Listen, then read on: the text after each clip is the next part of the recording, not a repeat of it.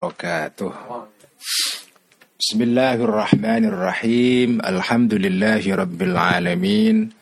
والصلاة والسلام على أشرف المرسلين سيدنا وحبيبنا ومولانا وقرة أعيننا محمد وعلى آله وأصحابه ومن تبعهم بإحسان إلى يوم الدين. رب اشرح لي صدري ويسر لي أمري واحلل عقدة من لساني يفقه قولي رب زدنا علما وارزقنا فهما آمين يا رب العالمين أما بعد Teman-teman, mari kita melanjutkan ngaji kitab Ihya seperti biasa setiap malam Jumat.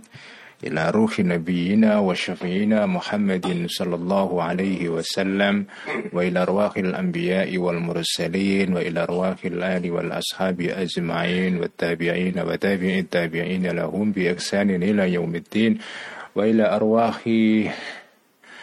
الأئمة المجتهدين والعلماء الصالحين والمؤلفين والمصنفين خصوصا إلى روح سلطان الأولياء الشيخ عبد القادر الجيلاني وإلى روح سيد الطائفة الإمام الجنيد البغدادي وإلى روح حجة الإسلام أبي حامد الغزالي والشيخ الأكبر مخشد ابن عربي والإمام أبي الحسن الشاذلي وإلى أرواح أولياء الله تعالى في أرض نسندرة خصوصا أرواح ولسانه وروح ولي الله جدنا بأحمد متمكن قدس الله أسرارهم ونور ضرائحهم وأعاد علينا من بركاتهم ونفعنا بعلومهم وأمدنا بمددهم وإلى أرواح علمائنا مؤسسي جمعية نهضة العلماء والجمعيات الإسلامية الأخرى خصوصا روح حضرة الشيخ هاشم أشعري شيخنا خليل بنغالان كي الله حسب الله كي بشي سنسوري كي واحد قستور كي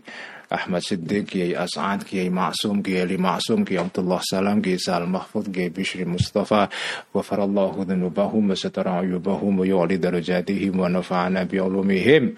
وإلى أرواح آبائنا وأمهاتنا وأجدادنا وجداتنا ومشايخنا ومشايخ مشايخنا وأصدقائنا خصوصا روح أبيك عبد الله رفاعي وروح أمي نعي سلامة وروح أمي نعي فاطمة غفر الله ذنوبهم وستر عيوبهم ويعلي درجاتهم شيء لله لهم الفاتحة أعوذ بالله من الشيطان الرجيم بسم الله الرحمن الرحيم الحمد لله رب العالمين الرحمن الرحيم مالك يوم الدين إياك نعبد وإياك نستعين اهدنا الصراط المستقيم صراط الذين أنعمت عليهم غير المغضوب عليهم ولا الضالين آمين Saya juga ingin memintakan bacaan Al-Fatihah sekali lagi dari teman-teman untuk beberapa teman yang sekarang sedang sakit dirawat. Pertama-tama ada Mbak Lia Fahmi, teman dari Muhammadiyah Yogyakarta yang sekarang sedang dirawat. Semoga cepat sembuh. Mas Sam Ardi yang juga sedang dirawat.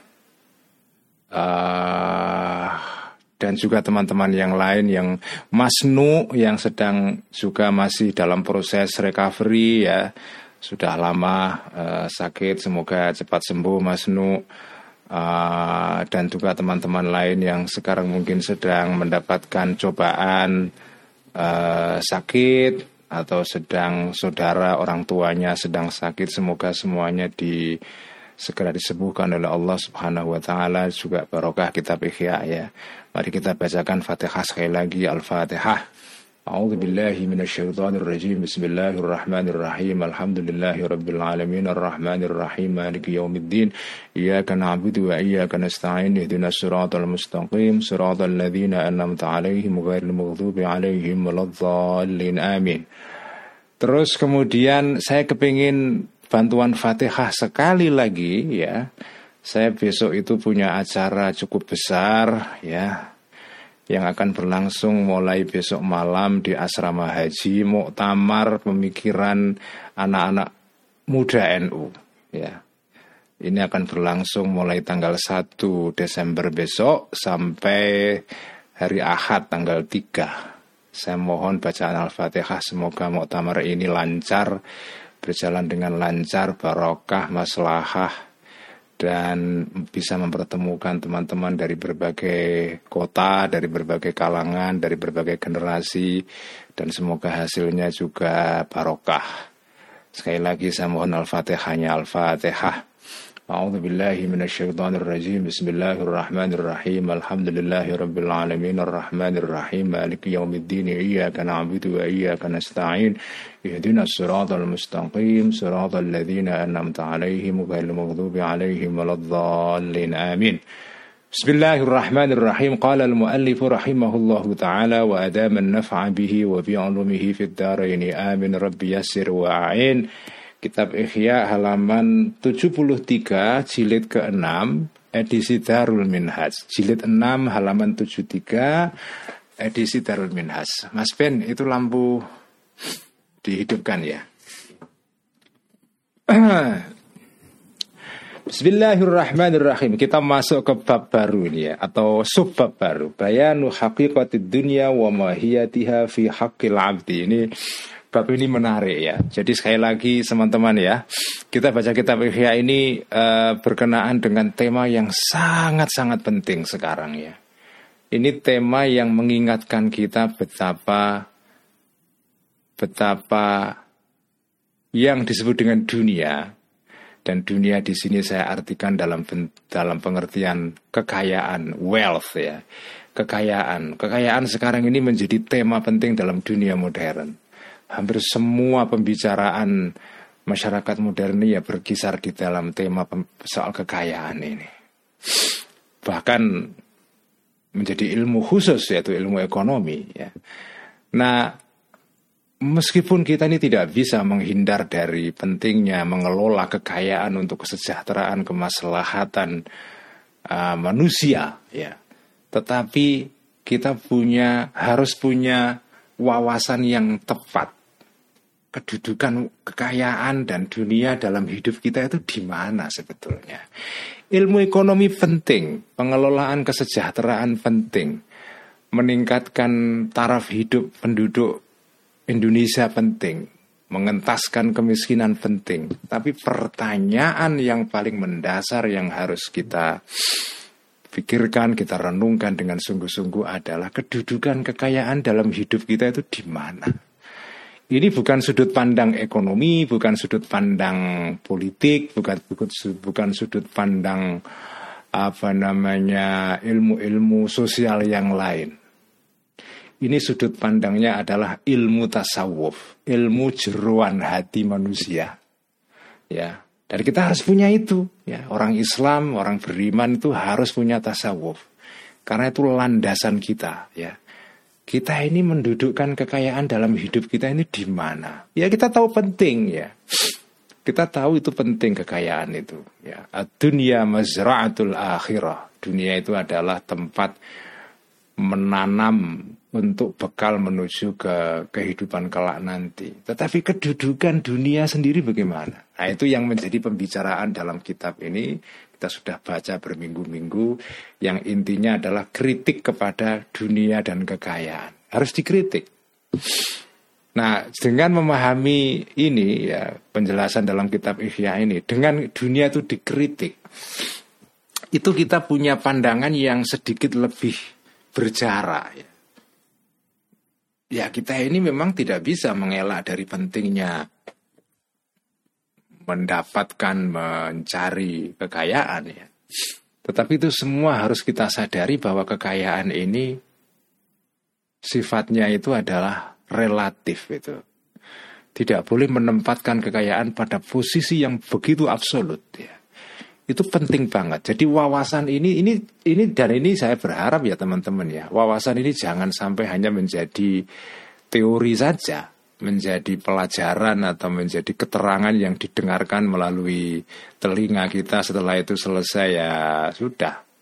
Nggak ada nggak ada dampaknya sedikit pun kepada pembentukan sikap kita. Enggak saya berharap ketika kita ngaji kitab Ihya sampai kepada pembahasan soal kitab Dzamid Dunia ya kitab tentang mencela mengkritik kekayaan ini ini saya harap menjadi sikap hidup ya menjadi sikap hidup, menjadi way of seeing the wealth, menjadi cara untuk melihat kekayaan itu. Jadi saya harapkan dan dan supaya keterangan dalam kitab Ihya ini menjadi sikap hidup itu butuh waktu memang. Butuh perjalanan kerohanian pada diri kita sendiri, butuh pengalaman, butuh renungan. Memang tidak bisa sak saknyet nggak bisa. Butuh proses memang. Ya. Dan sekali lagi saya sudah sering mengatakan kitab ini, penjelasan ini tidak maknanya tidak mengendori kita untuk bekerja, mencari nafkah buat anak-anak, istri dan seterusnya, e, mencari kekayaan dan seterusnya itu tidak. Ya. Tetapi ini untuk menanamkan sikap hidup, ya, bahwa dunia sepenting apa pun, kekayaan se sepenting apa pun kekayaan itu Ya, sekrusial apa pun posisi kekayaan di dalam kehidupan manusia, tetap dia harus ditempatkan secara proporsional. Dia tidak harus menguasai kita. Nah, sekarang kita masuk ke bab baru bayanu hakikati dunia. Ayahada bayanu hakikati dunia. Ini adalah penjelasan tentang hakikat dunia, kekayaan itu. Wama hiyatiha dan esensinya dunia Kata mahia itu dari kata mahia. Apa itu? What is? Ya. Dalam bahasa Inggris, what is? Ya. Uh, makanya kemudian di apa namanya istilahnya menjadi mahia. Keapaan itu kira-kira itu. Maksudnya esensi. Dalam bahasa Inggris ada istilah quiddity. Quiddity. Ya. Dari kata quod dalam bahasa Latin artinya juga sama. Apa itu? Ya Uh, kemudian jadi bahasa Inggris quiddity. Artinya apa? Esensi. Apa sih esensinya dunia itu? Keapaan dunia? Apa dunia itu? Keapaan dunia itu di mana? Fi hakil abdi di dalam haknya dalam konteks hamba kita semua ini.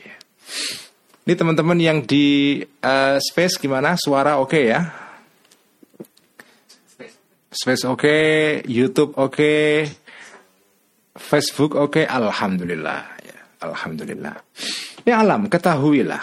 Anda ma'rifata dhammin dunia. Sesungguhnya mengetahui tentang mencela dunia, mengkritik dunia, la takfika itu tidak cukup pengetahuan ini kah kepadamu, nggak cukup. Sekedar hanya tahu dunia itu perlu dikritik itu tidak cukup. Malam ta'arif selama belum mengetahui engkau ad-dunia terhadap dunia al-madhmumata yang dikritik itu. Mahia apa dunia itu maksudnya itu? Apa sejatinya dunia itu? Wama dan apakah alladhi yaitu yang bagi yang seyukianya an yustanaba untuk dijauhi minha dari dunia ini. Apakah semua hal dalam dunia ini harus dijauhi? Apa aspek-aspek dalam dunia ini yang harus dijauhi dan harus diwaspadai? Wama dan apakah alladhi ma itu la yustanabu yang Wama dan apakah alladhi itu sesuatu ya. La yustanabu yang tidak seharusnya dijauhi alladzi itu. Fala buddha karena itu tidak boleh tidak. Wa annu wa annu bayyina.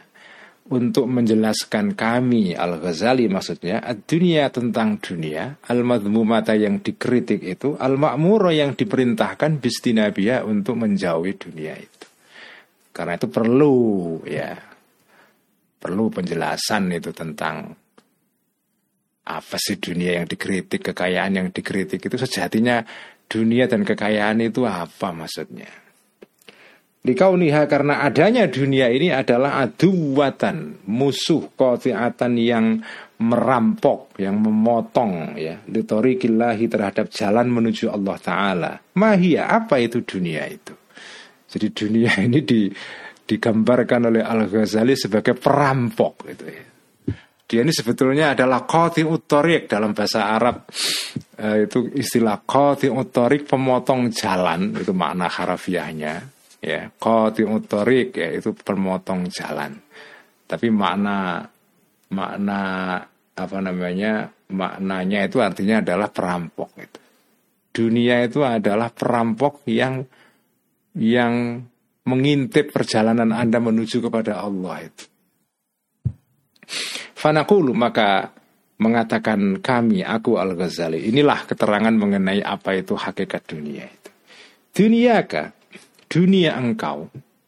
wa akhiratuka dan akhirat kamu itu adalah ibaratun ungkapan an halataini tentang dua keadaan min ahwali qalbika dari keadaan-keadaan hati kamu. Jadi disebut dunia dan akhirat itu sebetulnya dunia dan akhirat dalam kaitannya dengan diri kamu. Kenapa demikian? Karena fal qaribu, maka sesuatu yang dekat. Adani yang yang yang dekat juga minha dari apa namanya minha dari uh, ahwali minha dari uh, atau minha dari dunia. Tapi lebih tepat rujuknya adalah ahwali qalbika. Minha dari ahwali qalbika. Itu yusamma disebut sesuatu yang dekat itu dunia atau dunian dunia sebagai dunia. Dunia sebagai dunia. Sesuatu yang dekat kepada Anda ya itu disebut sebagai dunia. Karena kata duni, dunian ya dunia itu berasal dari akar kata uh, apa namanya dunuwun. Dana yadnu dunuwan wa dunian. Artinya sesuatu yang dekat. Kenapa disebut dengan dunia? Karena dia lebih dekat kepada diri kamu kepada kepada kepada jiwa kamu kepada hatimu Ya, karena umumnya orang itu menyukai ya hatinya menyukai sesuatu yang dekat itu. Ya, karena sesuatu yang dekat itu lebih kelihatan. Sesuatu yang jauh tidak kelihatan itu tidak disukai orang. Orang cenderung menyukai sesuatu yang tampak di depan mata. Nah, itulah dunia. Disebut dunia karena dekat dengan Anda. Wahua dan yang disebut dengan al-qaribud dani, sesuatu yang dekat tadi itu adalah kuluma, segala hal qablal mauti yang terjadi sebelum mati. Segala hal yang sebelum kematian sampean itu semua disebut dunia. Setelah kematian adalah akhirat. Jadi segala hal yang ada di dalam dunia saat ini sebelum Anda mati itulah disebut dengan dunia. Wal mutarahi dan sesuatu yang datang terlambat al mutaakhiru yang datang akhir ya, yang datang kemudian nanti. Yusamma disebut al mutarakhil mutaakhir itu akhiratan sebagai akhirat. Yang disebut yang dekat disebut dunian, yang terakhir disebut dengan akhiratan akhirat. Wahua yang sesuatu yang al mutarohi yang datang belakangan itu itu adalah ma segala sesuatu ba'dal mauti yang terjadi setelah mati. Jadi yang segala hal yang terjadi setelah kita meninggal nanti itulah disebut dengan akhirat karena datang kemudian kata akhiratun akhirnya akhir. Dalam bahasa Arab kata akhiratun secara harafiah artinya ya sesuatu yang terjadi nanti setelah setelah sekarang itu ya. Maka disebut dengan akhirat. Akhirat. Sesuatu yang dekat dengan kita saat ini disebut dengan dunia atau dunia. Kenapa? Karena dekat kata dunian dari akar kata dunuwun artinya dekat ya, kedekatan. Fakulluma maka segala sesuatu laka yang bagimu fi di dalam sesuatu itu hadzun bagian wa dan tujuan wa nasibun dan bagian juga wa syahwatun dan kesenangan waladzatun dan kenikmatan, kelazatan fi ajilil hali di dalam keadaan yang yang segera saat ini qablal wafati sebelum kematian. Fahuwa maka hal itu ya kuluma tadi itu dunia disebut dengan dunia fi hakika terhadap diri kamu. Segala hal yang di situ ada kenikmatan ada syahwat ada hasrat kita di situ, sesuatu yang kita hasrati, kita nikmati, yang apa namanya yang terjadi secara segera saat ini ya. Nah, itulah disebut dengan dunia terhadap diri kamu itu ya, sesuatu itu dalam kaitannya dengan diri kamu disebut dengan dunia. Memang dunia itu isinya syahwatun waladzatun. Keinginan dan kelezatan. Ya meskipun dunia di situ ada kesedihan, ada kesusahan, ada kesengsaraan. Tetapi secara umum dunia itu adalah sesuatu yang dihasrati dan dinikmati. Nah, itu itulah definisi dunia atau itulah hakikatnya dunia. Jadi dunia adalah hakikatnya itu adalah segala sesuatu yang menjadi objek, menjadi sasaran syahwat dan lazatan, ya, kelezatan bagi manusia. Dan terjadi dalam waktu yang segera sekarang ini yang instant ya saat ini bukan sesuatu yang terjadi setelah mati nanti sekarang ini. Itulah dunia. Hanya saja illa anna jami'a malaka illa anna jami'a hanya saja sesungguhnya jadi illa di sini kalau diterjemahkan secara tidak harafiah dalam bahasa Indonesia terjemahannya adalah illa anna jami'a hanya saja atau kecuali hanya saja sesungguhnya segala sesuatu laka yang bagimu ilaihi terhadap sesuatu itu mailun ada kecondongan.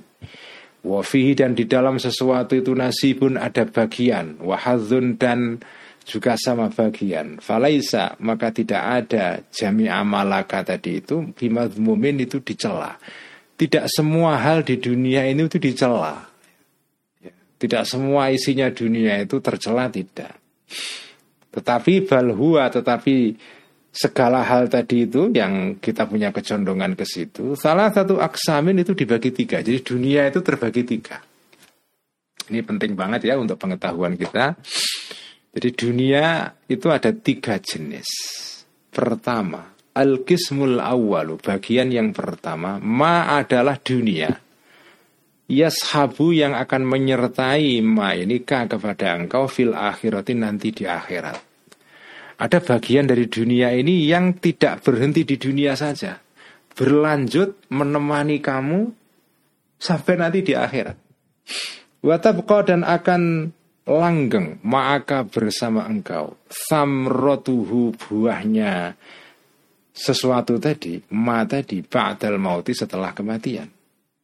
Wahua dan sesuatu yang seperti ini syai'ani ada dua hal.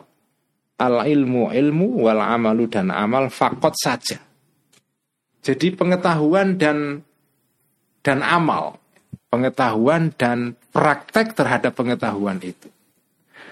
Kalau pakai bahasa yang agak sedikit keren, teori dan praksis kira-kira gitu ya teori dan praksis ya, itu dua-duanya adalah dunia juga karena terjadi sekarang. Ya, pengetahuan dan amal atau tindakan terhadap pengetahuan itu bagian dari dunia. Cuma dunia yang ini itu abadi. Itu berlanjut menemani kita sampai nanti ke akhirat. Itu bagian pertama. Nah, apakah ini semua ilmu atau ilmu tertentu? Wa'ani dan memaksudkan aku Al-Ghazali bil ilmi dengan ilmu ini. Maksudnya ilmu ini apa? Al-ilma pengetahuan billahi tentang Allah wa sifatihi dan sifat-sifat Allah wa af'alihi dan tindakan-tindakan Allah wa malaikatihi dan malaikatnya Allah wa kutubihi dan kitab-kitabnya Allah wa rusulihi dan utusan-utusan Allah wa malakuti ardihi dan kerajaan atau malakut itu maksudnya kerajaan. Kerajaan buminya Allah wasamaihi dan langitnya Allah. Wal ilmi dan juga pengetahuan bisyariati nabihi mengenai ajaran atau syariatnya nabinya Allah sallallahu alaihi wasallam Wa'ani dan memaksudkan aku bil amali dengan amal di sini. Apa artinya amal? Al ibadah ta ibadah al khalisata yang murni liwajhillahi taala terhadap Allah Subhanahu wa taala. Jadi ilmu di sini artinya bukan segala ilmu ya, ilmu tentang Allah. Ilmu tentang Allah dan ilmu mengenai ajaran Allah yang disampaikan melalui utusan-utusannya melalui Nabi Muhammad Shallallahu Alaihi Wasallam. Itulah ilmu yang pertama ya. Apakah berarti ilmu-ilmu yang lain tidak penting? Tidak. Ilmu-ilmu yang lain penting kalau ilmu-ilmu yang lain ini arahnya adalah menuju kepada sini. Ya, jadi dengan belajar ilmu ekonomi misalnya tapi ilmu ekonomi di sini dipelajari sebagai jalan menuju kepada Allah misalnya.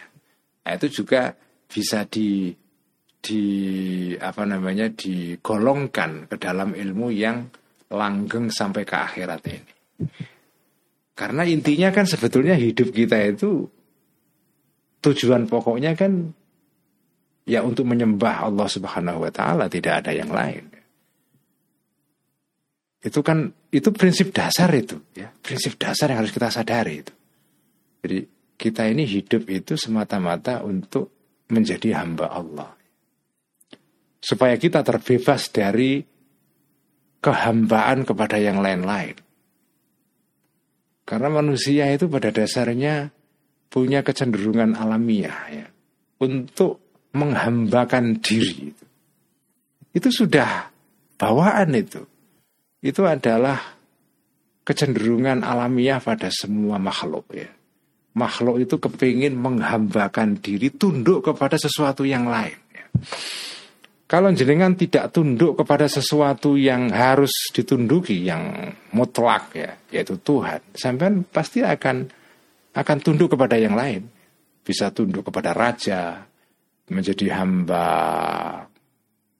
kekayaan, hamba apa namanya kemasyhuran, hamba popularitas, hamba jabatan lah, inilah, itulah.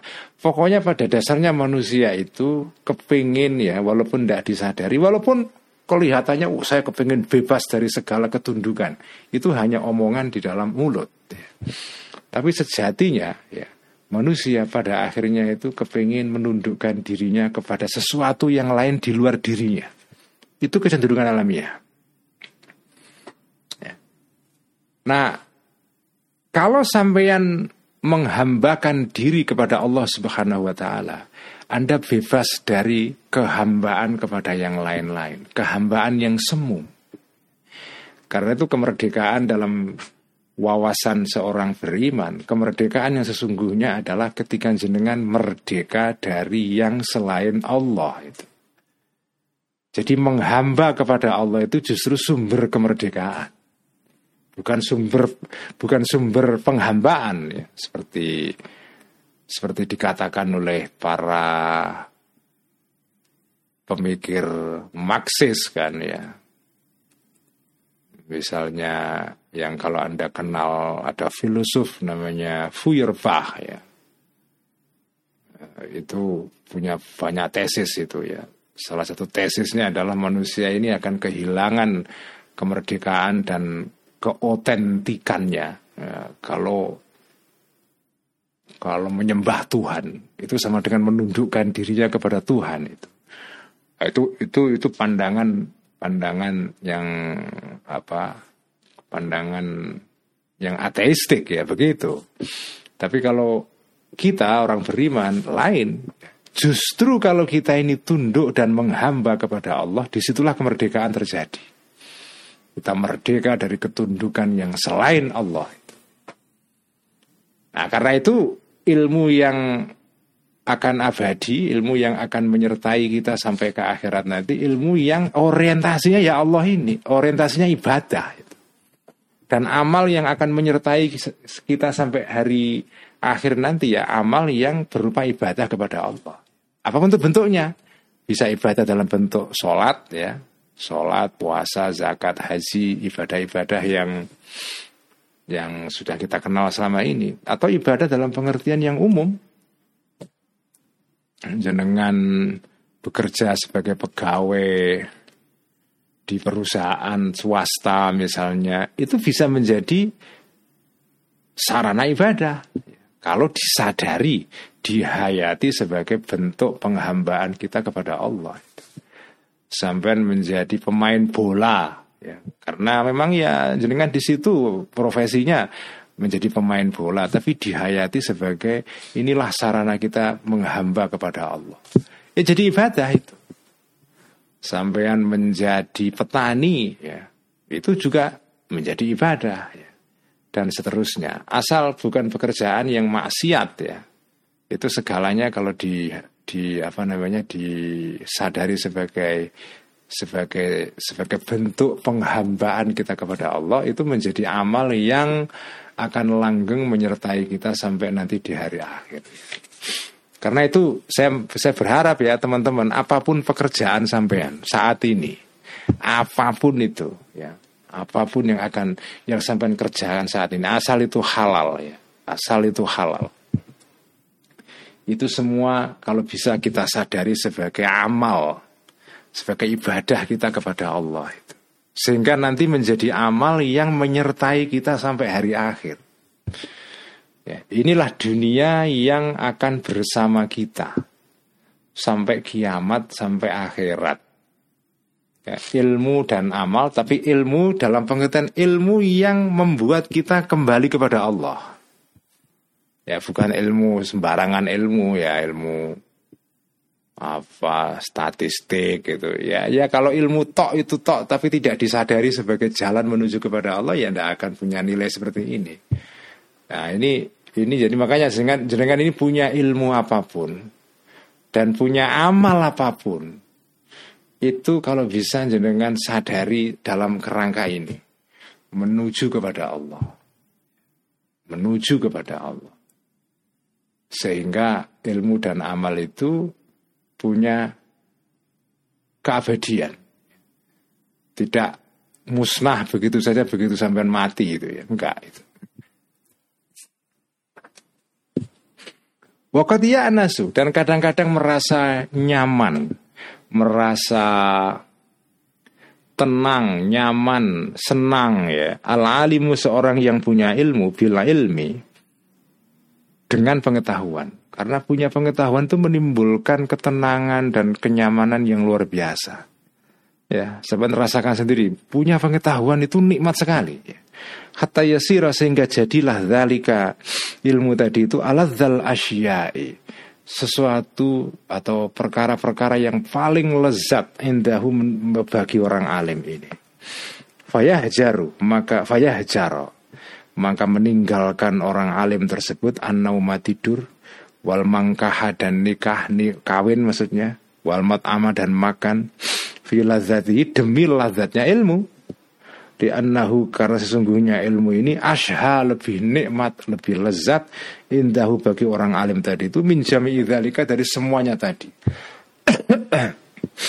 Fakat maka jadilah ilmu yang seperti itu hazon sebagai bagian ya, ajilan yang terjadi sekarang ini ya fit dunia dalam dunia. Dia menjadi dunia.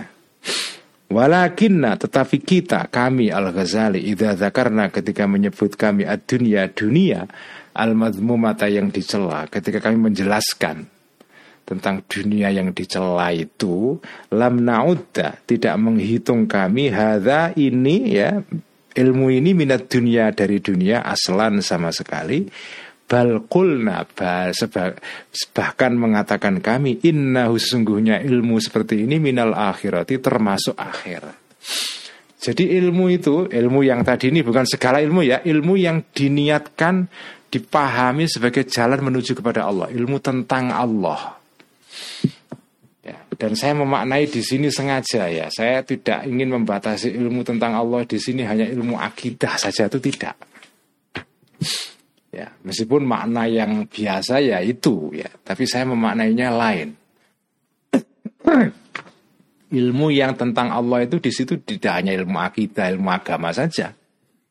Tetapi ilmu fisika juga bisa menjadi ilmu tentang Allah, ilmu kimia, ilmu biologi, astronomi, ekonomi, politik, sosiologi, semuanya itu. Jangan kalau jenengan kalau kalau jangan renungkan apa sih sejatinya ilmu fisika itu? Ilmu fisika itu kan ilmu tentang tentang sesuatu yang punya bentuk fisik ya. Ada ada bentuk materialnya itu. Itu kan ilmu fisika ya, benda-benda yang punya bentuk material itu. Ilmu mengenai materi dan cara kerja materi. Ya. Materi yang yang bisa dilihat ya. ya ataupun yang bisa dilihat dengan mikroskop misalnya. Nah, itulah namanya fisika. Nah, itu semua yang objek yang menjadi penelitian ilmu fisika itu kan itu semua ciptaan Allah itu. Sejatinya itu adalah bentuk dari tindakan Allah ya. Allah bertindak lalu wujudlah barang-barang itu. Benda-benda yang menjadi kajian ilmu fisika, kimia, biologi. Jadi segala ilmu yang ada sekarang ini itu sebetulnya ilmu mengenai afalullah. Mengenai tindakan Allah. Ya. Allah bertindak dan salah satu wujud tindakan Allah ya lahirnya dunia ini dan segala isinya termasuk masyarakat manusia yang kemudian menimbulkan ilmu sosiologi, antropologi, sejarah, politik, psikologi dan seterusnya. Itu kan bagian dari afalullah. Nah, kalau sampai memahami ilmu itu sebagai cara sarana untuk balik kepada Allah dengan cara mengetahui afalullah melalui fenomena-fenomena alam itu itu menjadi ilmu akhirat itu. Nah ilmu-ilmu seperti ini kalau dipelajari itu menimbulkan kenikmatan. Yang kenikmatannya nggak kalah dengan dunia. Dengan kenikmatan karena jenengan memperoleh materi ya. Bahkan malah nikmatnya pengetahuan itu lebih tinggi daripada nikmatnya kekayaan. Cuma ya ini bukan bukan bagian dari dunia yang dicela. Walaupun itu ilmu itu ketika dipelajari menimbulkan kenikmatan sama dengan dunia. Dan ilmu itu memang ya bagian dari dunia karena terjadi sekarang sebelum kematian kan. Tapi itu bukan bagian dari sesuatu atau dunia yang di bukan bagian dari dunia yang dicela itu bagian dari akhirat karena dia berhubungan dengan Allah Subhanahu wa taala. Wa kadzalika dan begitu juga al sebagaimana ilmu ya al atas sebagaimana al alim tadi, al abid itu orang yang beribadah. Qatiya nasu kadang-kadang merasa tenang, merasa nyaman seorang abid ini bi ibadatihi dengan ibadahnya al abid. Fayastalid duha maka merasa atau menganggap lazat ya. Abid ini hak kepada ibadahnya. Ada orang yang ibadah dan merasakan kenyamanan dari ibadah itu. Dan kenyamanan yang dia peroleh karena ibadah ini tidak kalah dengan kenyamanan yang diperoleh oleh seseorang dari menumpuk-numpuk harta misalnya. Ibadah itu menimbulkan rasa nikmat ya. Kalau jenengan sudah menghayati dan tenggelam di dalamnya ya itu menimbulkan rasa nikmat yang luar biasa. Sama dengan ketika apa namanya jenengan punya harta. Bahkan kenikmatan yang yang muncul dari ibadah ini jauh lebih besar daripada kenikmatan karena harta. Begitu nikmatnya bihaitu laumunia sekiranya dicegah ya seorang ahli ibadah ini anha dari ibadah lakana maka adalah zalika pencegahan itu a'zamal uqubati. Siksaan-siksaan yang paling berat alaihi kepada seorang ahli ibadah ini. Hatta sehingga mengatakan ba'dhum sebagian dari orang-orang ahli ibadah ini ada yang mengatakan begini, ma akhafu minal mauti illa min haitsu yahulu baini wa baina qiyamil laili. Ma akhafu tidak takut aku minal mauti dari kematian. Illa min haitsu yahulu. Kecuali dari arah akan menghalangi kematian itu baini antara aku wa baina qiyamil laili dan di antara ibadah di waktu malam.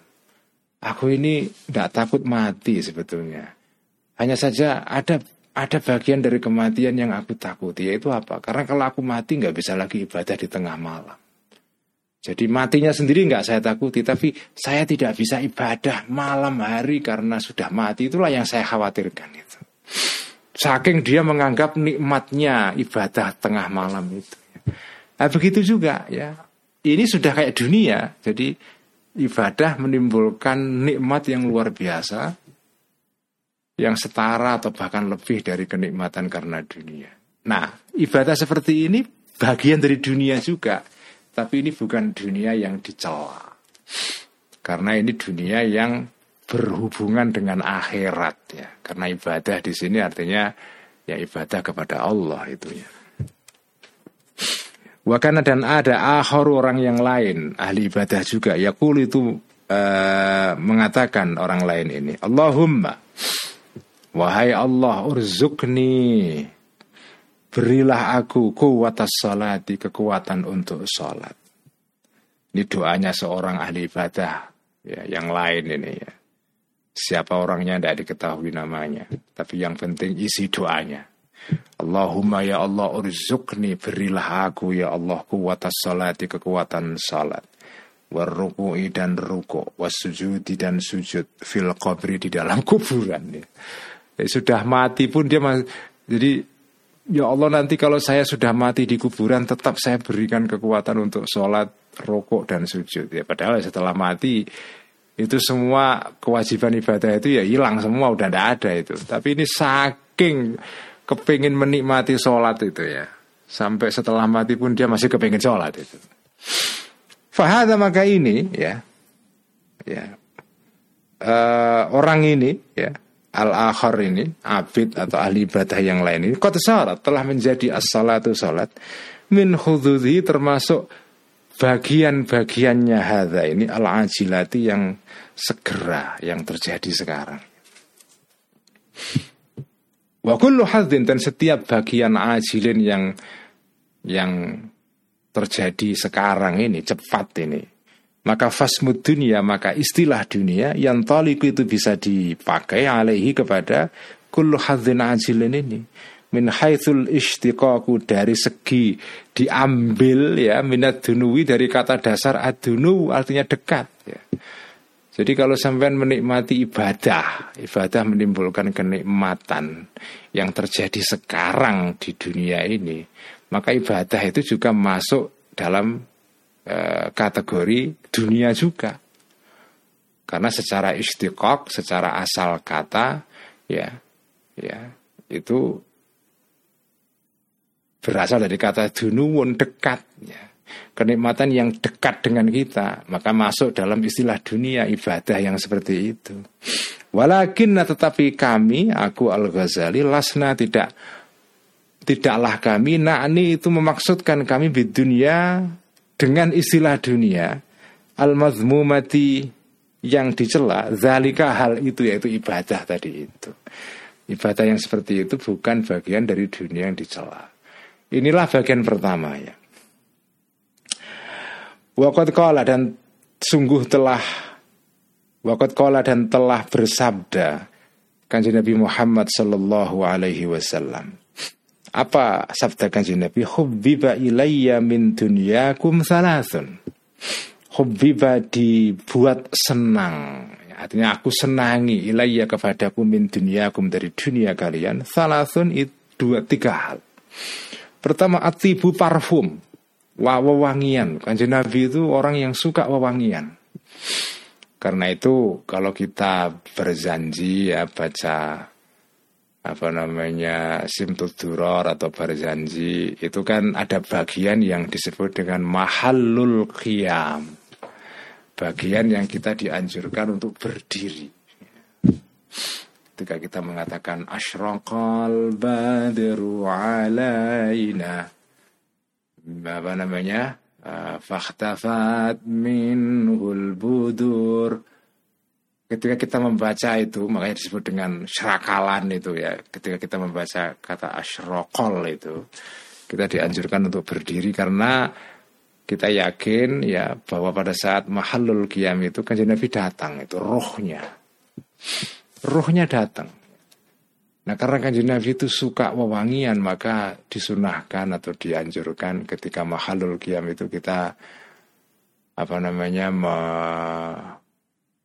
me, menghidupkan atau menyulut buhur atau menyan atau apa namanya wangian Arab itu ya menyan Arab itu. Ot ya.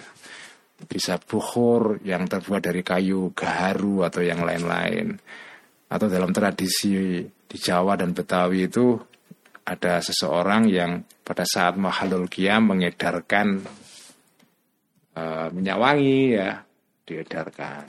Ya karena ini hadisnya kaji Nabi itu suka wewangian. Wan nisau dan suka perempuan ya biasa laki-laki ya normal ini alamiah. Kalau perempuan suka laki-laki Kalau laki-laki suka perempuan. Wa qurratu aini dan dan apa namanya ketenangan dan kebahagiaan mataku itu fisolati pada saat sholat. Jadi sholat itu menimbulkan ketenangan pada kanjeng Nabi. Dan sholat itu bagian dari dunia. Jelas ini dunia ada tiga dunia yang aku sukai. Wewangian, perempuan, dan sholat. Sekali lagi jangan dimaknai secara keliru ya perempuan di sini ya. Ya ini ini kecenderungan alamiah. Manusia laki-laki suka perempuan, perempuan manusia perempuan suka laki-laki itu bagian dari nikmat Allah itu.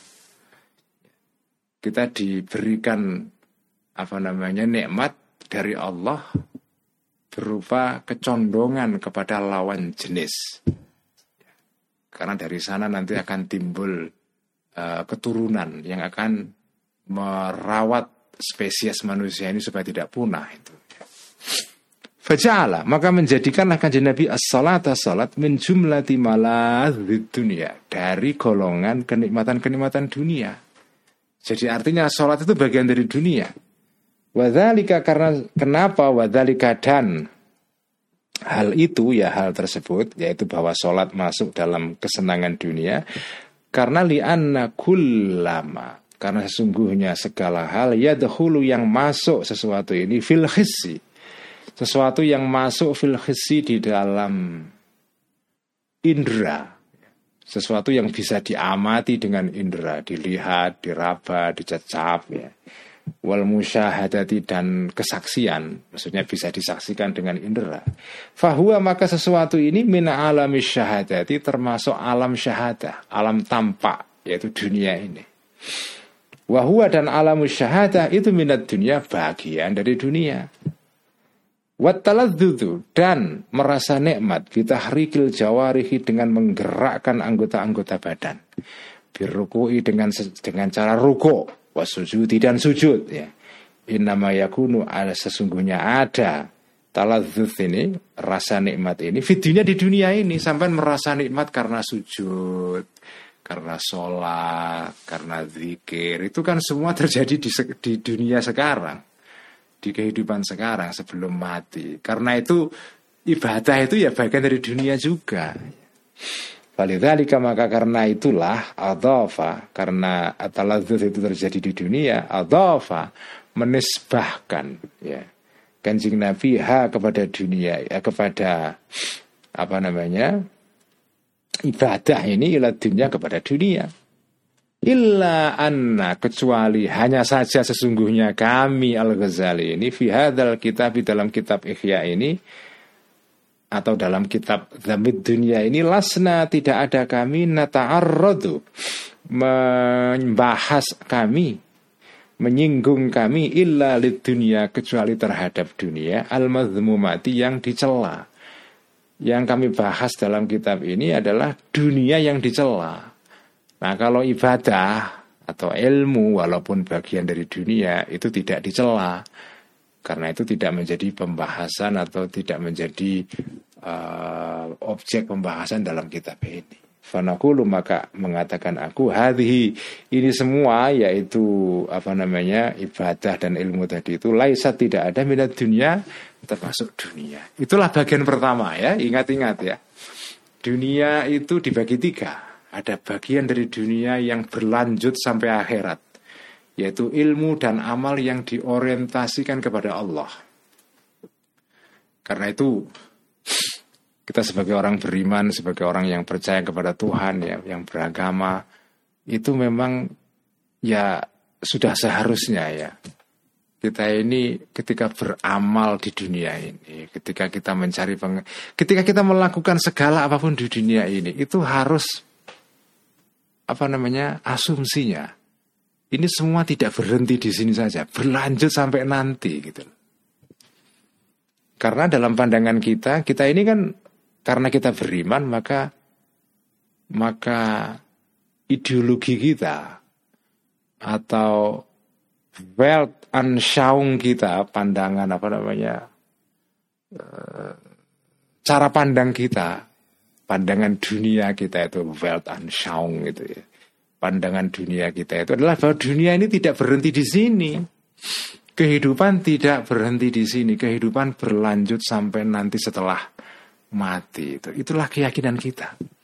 Itulah membedakan antara kita dengan orang-orang yang agnostik atau orang yang ateis atau orang yang materialis murni. Ya tidak apa-apa kalau ada orang punya pandangan seperti itu ya monggo saja. Tapi kita yang beriman tidak begitu. Yang membedakan kita dengan mereka adalah bahwa kita punya visi, punya iman, punya kepercayaan bahwa kehidupan sekarang ini itu tidak berhenti di sini, berlanjut sampai nanti setelah mati, bahkan yang hakiki itu ya kehidupan setelah mati itu. Sehingga dunia ini ya walaupun penting, tetapi tetap harus dikritik supaya kita tidak melekat terlalu dalam, terlalu jauh dengan dunia ini.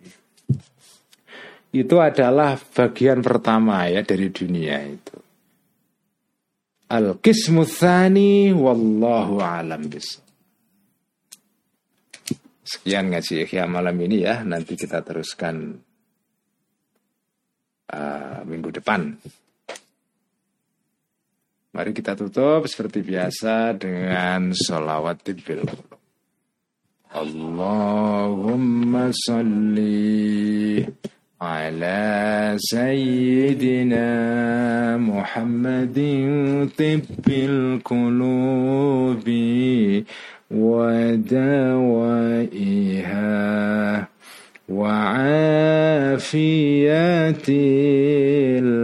الأبدان وشفائها ونور الأبصار وضيائها وعلى آله وصحبه وسلم. اللهم صلِّ على سيدنا محمد طب القلوب ودوائها وعافية الأبدان وشفائها ونور الأبصار وضيائها وعلى آله وصحبه وسلم. اللهم صلِّ على سيدنا محمد طب القلوب ودوائها وعافية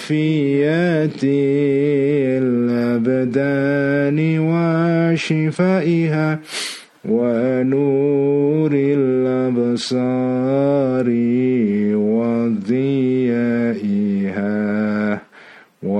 على آله وصحبه وسلم. سكيان السلام عليكم ورحمة الله وبركاته.